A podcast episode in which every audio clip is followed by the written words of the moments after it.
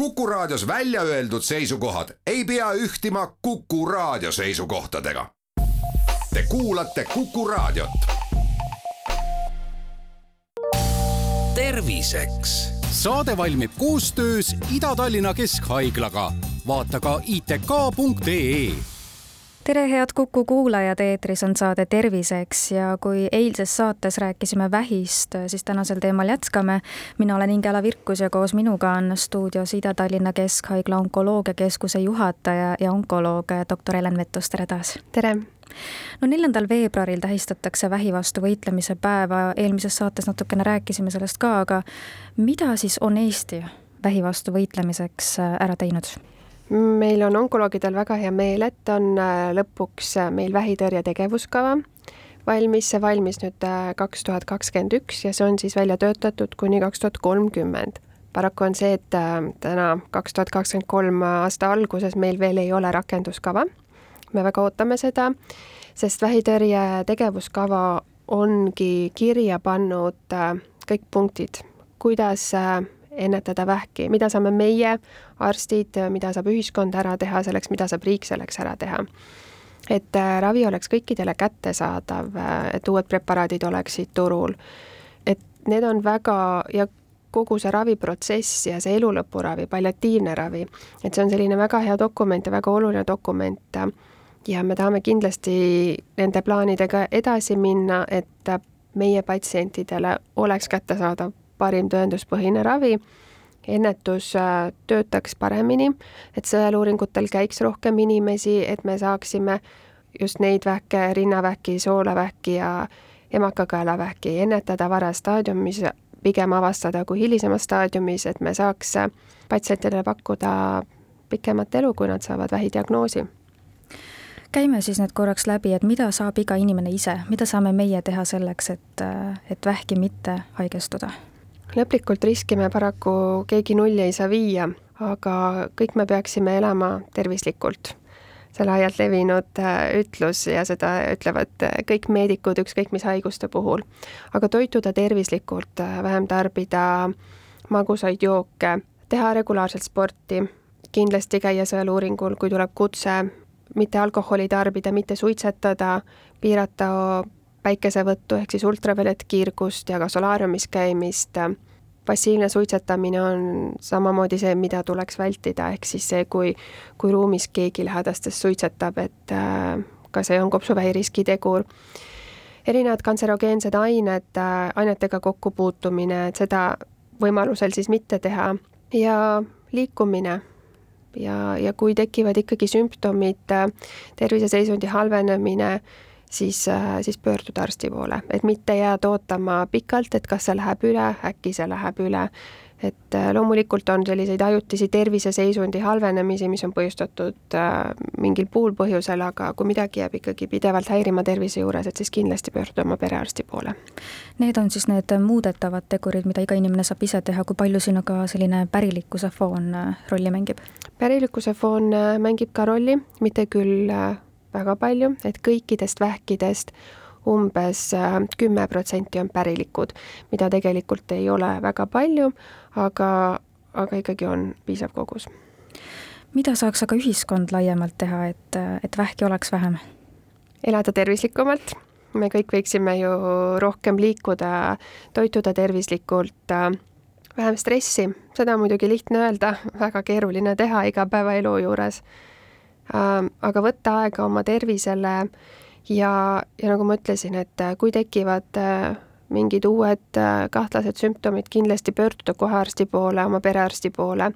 perearstid saavad kasutada e-konsultatsiooni, mis tähendab seda, et nad saavad onkoloogidele saata saatekirja, patsient ei pea veel vastuvõtule tulema ja meie saame hinnata, kas see patsient vajab meie juurde vastuvõtule tulekut, vajab ta täpsustavaid uuringuid, nii et see on ka väga hea kiire viis, kuidas kuidas patsienti aidata. ja taaskord äh, sõeluuringud, sõeluuringud, kui teil tuleb kutse, olete täiesti terve, mingeid sümptome ei ole, palun minge. ja veel kord rõhutan ka HPV vaktsiini just, et äh, ka kõrvalt võib-olla lähedastele meelde tuletada, et äh, mida teha, et kas sina oled juba käinud sõeluuringul ja, ja üle kontrollida ja küsida nii-öelda. just. Mida saaks aga riik ära teha veel? meil võiks olla meie onkoloogilised ravid võiksid tulla kiiremini, saada meile kättesaadavamaks. nagu ma eelmises saates ütlesin, siis keskmiselt ühe uue preparaadi soodustuse saamiseks kulub viissada üheksakümmend üheksa päeva, mis on ilmselgelt liiga palju ja kahjuks oleme sellega majanduslikult siis äh, kehvemas seisus olevatest riikidest isegi allpool selle nimekirjaga ja, ja ühe uuringu järgi siis äh, on kindlaks määratud, et kui viimase nelja aasta jooksul on äh, Euroopa Ravimiametis antud siis luba saja kuuekümnele ravimile, siis Eestis on nendest kasutusel nelikümmend üks ainult. miks see nii võib olla? seda peate küsima Haigekassa käest et võib-olla tõesti kõiki preparaate ei pea olema Eestis, ei pea need olema kättesaadavad, aga onkoloogilises mõttes kindlasti preparaadid peavad tulema varem turule. Siin peab olema ka kuulama rohkem äh, patsiente, sest ma toon ühe näite, mis on nüüd alates esimesest jaanuarist. Rinnavähi patsientidel üks, üks bioloogiline ravi, mida patsiendid saavad enamasti aasta aega iga kolme nädala tagant. see on olemas äh, süste variandina, patsientid tulevad uksest sisse, saavad süsti, korra jälgitakse ja nad lähevad koju tööle, nad ei pea võtma vaba päeva, nad ei pea ootama, see on kiire, see on enamasti mingeid kõrvaltoimeid ei tekita. paraku see süstipreparaat on, äh, on liialt kallis äh, mis me peame nüüd kõik need patsiendid asendama veenisisese raviga, mis tähendab patsiendi jaoks pool tundi tilkumist võib-olla ta vajab sellepärast äh, endal vaba päeva. Äh, lisaks sellele ta peab iga kolme nädala tagant, äh, tal on vaja siis kanüül panna, veenid, mis rinnavähi patsientidega naistel enamasti on juba kehvad ja saab kasutada ainult ühte kätt. et see kõik on problemaatiline ja loomulikult on maksja vaatab raha, aga meie peame vaatama ka seda, mis kõrvalkulud seal on ja mis see patsientidele kaasa toob, et kõrvalkulusid on kindlasti selle veenisisese raviga palju rohkem lisaks sellele ravimite poolele, kui kiiresti täna üldse näiteks vähikahtlusega onkoloogi juurde saab? Ida-Tallinna Keskhaiglas siis äh, kahe nädala jooksul pääseb äh, vähikahtlusega patsient erialaspetsialisti juurde, alati see ei pea olema onkoloog, see võib olla ka kirurg. kuidas täna kasvajaid äh, diagnoositakse?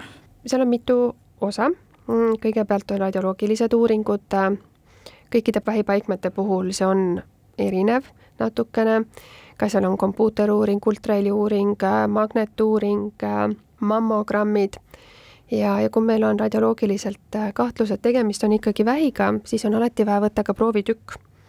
sellepärast, et meil on vaja teada täpselt, mis rakud seal on.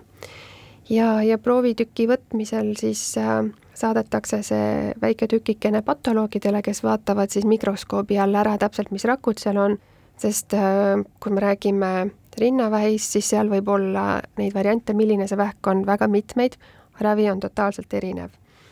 samamoodi kopsuvähi puhul, meil on mitmeid erinevaid preparaate kättesaadavad, aga me peame olema väga täpsed, missugused mutatsioonid seal on toimunud, missugune see vähiehitus on, et me saaksime maksimaalselt õiget ravi kõigile patsiendile, et, et ta saaks ravist võimalikult palju kasu. ma küsin nüüd nii, et lõpetuseks milline võib olla seis äh, vähiga meil Eestis kümne, kahekümne aasta pärast näiteks, et kuidas on selle ajaga võib-olla muutunud äh, diagnostika, ravimeetodid, ravivõimalused? ma arvan, et julgen öelda, et diagnostikas me oleme küll täielikult maailmatasemel, arstide teadmistega täielikult maailmatasemel, et meie arstid koolitavad küll äh, ennast väga palju ja, ja vajadusel alati konsulteerime ju välismaa kolleegidega ma loodan, et meil on onkolooge rohkem, sellepärast et äh, haigestumus tõuseb väga kiiresti kahjuks ja ja neid patsiente on palju, kes vajavad onkoloogi juurde tulekut. Äh, ma loodan, et meil on kättesaadavad kümne aasta pärast kõik uuemad preparaadid, otse loomulikult need on kallid preparaadid, aga tänu paljudele nendele kallistele preparaatidele me oleme saanud patsientide elusid mitte pikendada paar kuud, vaid palju aastaid. nii et ma loodan, et meil on just äh, ravimite osas parem kättesaadavus, kiiritusravi osas täpselt samamoodi, et patsiendid äh, saaksid kiiresti ravile ja et kiiritusravi saaks teha mitmes kohas. ja loomulikult äh, kodulähedane ravi, mida me täna ka Eestis tegelikult ju pakume, et Ida-Tallinna Keskhaigla pakub onkospetsiifilist ravi Kuressaare haiglas mm, samamoodi käib Põhja-Eesti Regionaalhaigla Pärnu haiglas, manustatakse süsteemraviga Ida-Viru Keskhaiglas, nii et patsiendid ei pea sõitma võib-olla pooletunniseks tilgaks viis tundi kuhugi, vaid saavad seda oma kodu lähedal, mis on väga oluline aitäh saatesse tulemast, Ida-Tallinna Keskhaigla onkoloogiakeskuse juhataja ja onkoloog doktor Helen Vettus ning palju jõudu ja jaksu sulle! aitäh kutsumast! terviseks saade valmib koostöös Ida-Tallinna Keskhaiglaga. vaata ka itk.ee